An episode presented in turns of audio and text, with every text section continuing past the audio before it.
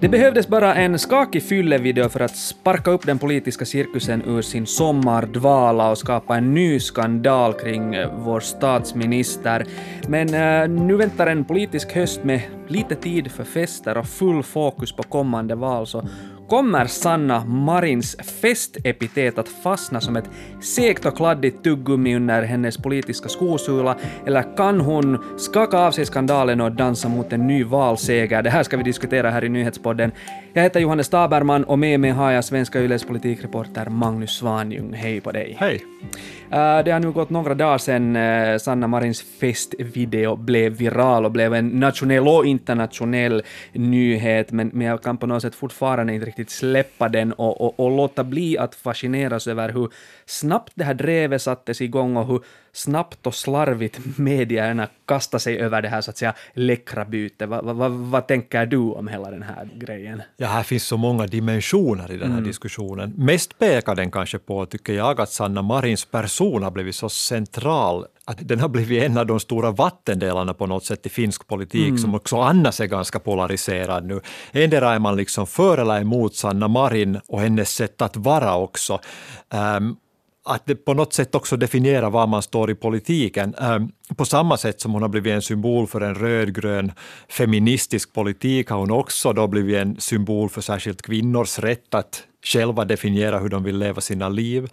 Eh, men sen väcker den här diskussionen tankar om mediekritik, den väcker ja. tankar om folks moralism, eh, om vad vi egentligen lever i för samhälle och vilka moralkoder som, som gäller, eh, om vi alls har en gemensam syn på vad som är moraliskt bra och dåligt. Precis, och därför tänker jag också så här att när vi nu sitter här och och, och talar om det här senaste festdrevet. Det har varit väldigt mycket i medierna, otaliga kommentarer och Twitter har gått het. Och man ser ju helt klart liksom att det delar in folk i två läger, så, så nu när jag sitter här och pratar så här, så man måste hålla tungan rätt i mun för att inte liksom anklagas för att vara liksom ett stort Sanna Marin-fan eller för att liksom inte tycka om unga kvinnliga statsministrar. Jo, jo, men det är ju så när man liksom, om man försöker analysera det här något så när nyktert nu mm. när vi har följt den här diskussionen, eh, kan man ju till exempel fråga sig om det här då kommer att gynna henne eh, eller inte. Och, och, det beror, tror jag, väldigt mycket på från vilket perspektiv man ser det här. Mm.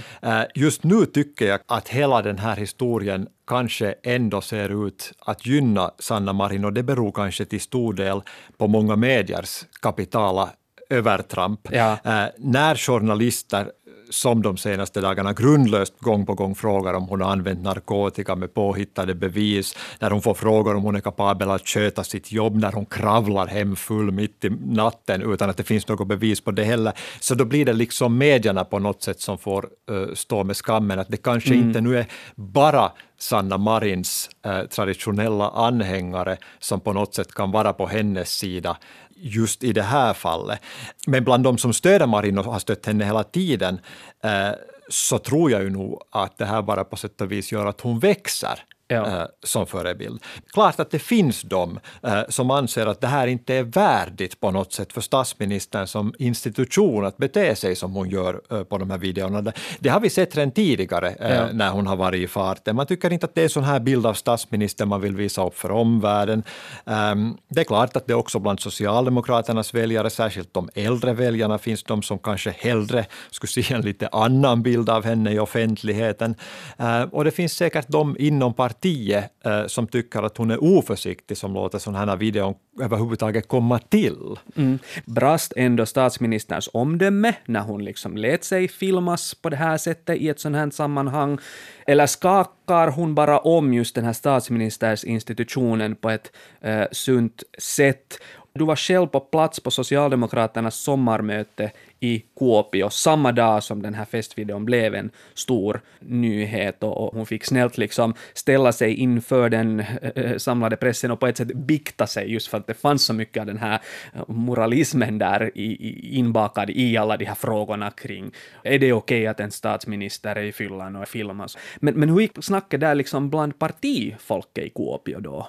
Jag skulle säga att det verkar som att hon har ett väldigt starkt stöd bland de ledande politikerna i partiet. De diskuterar alltså det här bakom stängda dörrar, så vi vet inte hur diskussionen gick. Ja. Men enligt vad som har kommit ut så fick hon nog i första hand ett ganska starkt stöd. Jag menar, alla riksdagsledamöter vet hur den här typen av drev föds. Man känner säkert medlidande. Men nu finns det också de i partiet som tycker att hon borde vara kanske lite mer aktsam, för att man vet att man själv har sådana väljare som inte gillar den här typen av partybilder. Eh, men, men kanske den viktigaste på något sätt eh, upplevelse för mig under det här mötet i Kuopio var eh, egentligen ett torgmöte som Socialdemokraterna ordnade mm. eh, redan innan den här mm. skandalen kom ut. Och de är nästan undantagslöst otroligt tråkiga tillställningar. Det är ganska dött. Ja. Äh, när Sanna Marin kom in på det här torget så var det fullt med folk i alla åldrar och det som kanske framför allt på något sätt äh, drog till sig min uppmärksamhet att där var en massa ungdomar som kom fram, ville prata med henne, äh, röra vid henne, ta selfies med henne. Äh, jag menar, vi vet också att hon har över en halv miljon följare på Instagram. Ja. Alltså hon har en väldigt stor skara människor som tycker väldigt mycket om henne och det är ovanligt i finsk politik. Sen är det en annan sak att alla de här ungdomarna kanske inte nödvändigtvis röstar på henne eller på Socialdemokraterna i val. Alla kan inte ens rösta på Sanna Marin i val och så här, men, men Ja. det är intressant ändå. Ja, det här intresset för henne har ju varit jättestort ända sedan hon blev statsminister. Det här är inte första gången som, som liksom Sanna Marins festande och privatliv blir en stor nyhet. I fjol så hade vi den här boomer-debaklet eh, och så var det den här ölen hon drack på en bar fast det var då liksom coronan rasade på och, och, och hon hade inte sin andra tjänstetelefon uh, på sig. Och jag menar intresset för allt hon gör och säger är jättestor. Hur mycket tycker du att hon har ändrat på den här statsministersrollen? Ja, alltså hon har ju själv sagt att hon vill eh, skaka om den här eh, institutionen och det har hon ju fått ett massivt stöd för.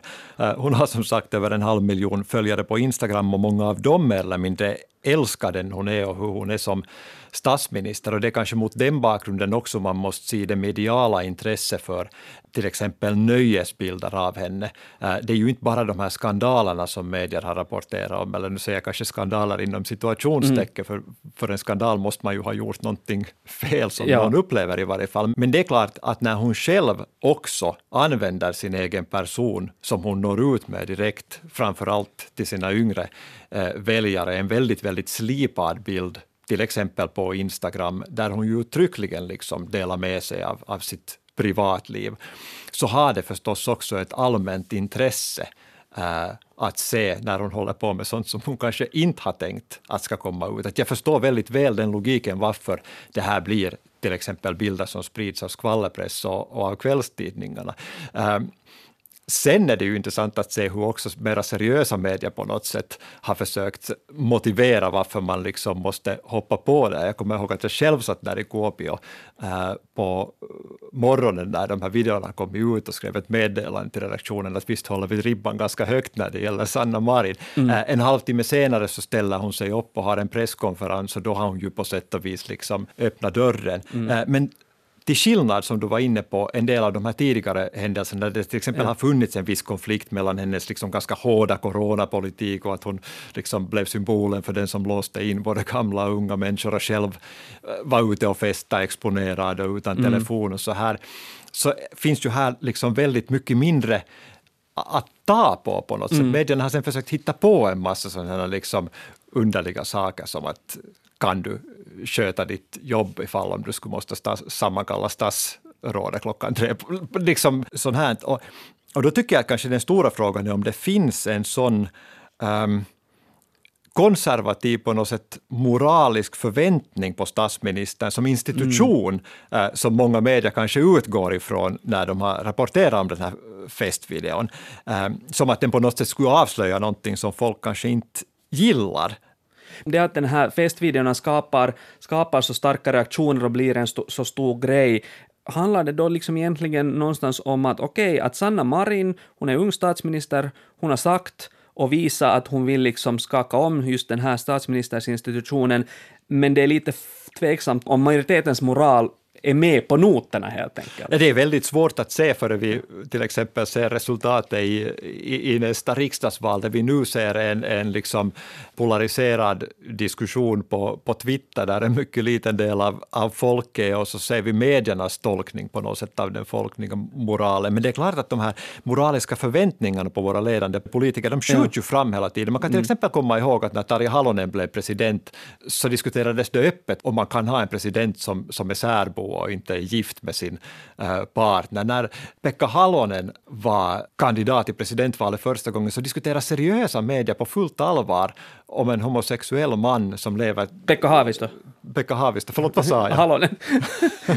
ja, Pekka Haavisto. Ja, man får diskutera på fullt allvar att kan, kan en man som har en partner som en man representera Finland ute i världen och hur ska det uh, se ut? Mm. Uh, jag vet inte, den närmaste parallellen jag kan dra till den här uh, rapporteringen är väl kanske när de grönas tidigare partiledare Touko Aalto lät sig piskas på någon nattklubb i, i Stockholm, vilket borde ha varit liksom helt i linje med allting det partiet står olagligt heller. Det, det, är verkligen inte olagligt och, och, det borde vara i linje med liksom det gröna partiets arbete för sexuella minoriteter och så vidare. Och ändå på något sätt eh, gjorde många medier den där tolkningen att det här var liksom komprometterande video på något sätt. Men, men ja, det, men man märker liksom att det är moraliskt moln som hänger över hela den här så kallade festskandalen. Men jag tänker att hur som helst så lever väl liksom Sanna Marin lite farligt som statsminister när hon omger sig av festande influencers och andra kändisar som har en helt annan syn på publicitet och på vad som är privat. Och, och att då dessutom låta sig filmas på en privat fest, så det känns ju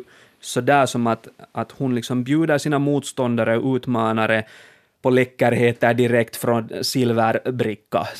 Alltså, så är det väl, om det finns någon uh, anledning att ifrågasätta Marins omdöme, så är det väl kanske att hon rimligen borde förstå att det här kan vara någonting som skrämmer bort åtminstone en del av partiets äldre eller, eller, eller upprör hennes partikamrater. Kanske inte en sån här enskild händelse, men när hon blir en person som alla kanske inte kan ja. liksom identifiera sig med på något sätt som man vill att ska representera in.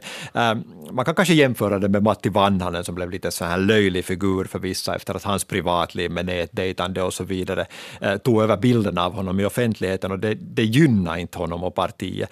Uh, men samtidigt kan man också fråga sig om man då ska böja sig för sådana moralkoder som man inte tror på mm. eller som man kanske till och med tycker att kan vara skadliga för samhället om vi nu har moralkoder i samhället som säger att en småbarnsmamma inte får festa och dansa som hon vill, så kanske det kan vara något som en progressiv politiker som Sanna Marin nästan på sätt och vis är skyldig att slåss mot. Jo, jo, och om man tänker så där helt liksom ur äh, partiets, alltså Socialdemokraternas perspektiv, så kan ju kanske fest och fylla vara vägen in i de unga väljarnas hjärtan. Många tycker ju att det är bra att Marin nu försöker leva som en vanlig ung kvinna, men, men att frågan är ju liksom om den här stora hypen kring henne, om det gynnar partiet, om det liksom då kan realiseras i, i form av röster under vårens eh, riksdagsval. Vad är din bedömning? Vinner SDP mera på hypen kring Sanna Marin och att fokus ligger så mycket på hennes person, eller förlorar de på det? Ja, hittills har man ju vunnit på eh, att hon också har varit en väldigt populär statsminister som har lett en regering som har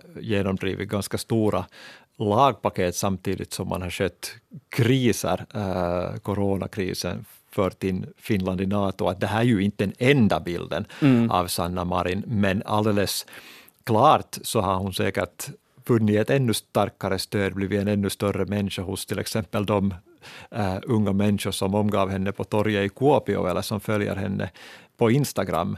Um, men vad det här kommer att betyda till exempel i riksdagsvalet, uh, man får säkert räkna med nu att Sanna Marin är en så populär politiker att, att, att det finns liksom lite så här Sanna Marin-tillägg på gallupsiffrorna. Mm. Och alla kan ju äh, inte rösta på Sanna Marin på alla ställen i landet och man kan ju kanske tänka sig att äldre socialdemokratiska kandidater på andra håll i landet inte nödvändigtvis gynnas av att ha Sanna Marin som partiledare, men det är väldigt svårt att säga.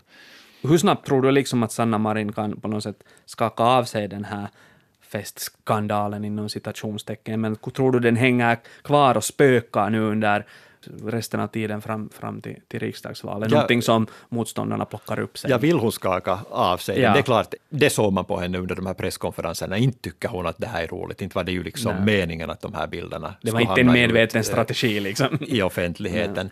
Eh, Men samtidigt så har hon skött det helt enligt skolboken, det vill säga hon har tagit två långa presskonferenser. Jag hade nästan förväntat mig att den första presskonferensen i Kuopio på morgonen, att hon närmast skulle komma Eh, fram, svara på ett par frågor och tacka och gå. Men däremot så tog hon sig tid att svara på alla, också de dummaste frågorna, eh, flera gånger om och samma sak när hon höll en andra presskonferens på fredag eftermiddag. Det finns liksom inte så väldigt mycket öppna frågor nu om inte kommer fram någonting nytt eh, som på något sätt skulle bli att spöka, frågor som medierna till exempel ännu förväntar sig att få svar på. Men det är klart att det här leder ju till att det finns ett intresse att hela tiden gräva fram nya uppgifter om hennes privatliv av det här slaget och det är ju förstås säkert någonting som, som hon kommer att få leva med. No, men vi får hoppas att, att fokus börjar förflyttas mer mot de här riktigt tunga ämnena som, som ligger på bordet här under den här politiska hösten, för, för det finns såna riktiga ämnen och utmaningar där som nog Som kräver... också Socialdemokraterna nog behandlar på sitt sommarmöte. Ja, men som föll lite kanske i skuggan, skuggan, skuggan av det här. Och sådana ämnen som vi får ta upp i ett annat avsnitt av den här podden. Men tack för den här analysen, Magnus Svanjung. Tack. Du har lyssnat på nyhetspodden från Svenska Yle med mig Johannes Taberman. Ami Lassila är producent, Micke Andersen sköter tekniken. Fortsätt lyssna på oss.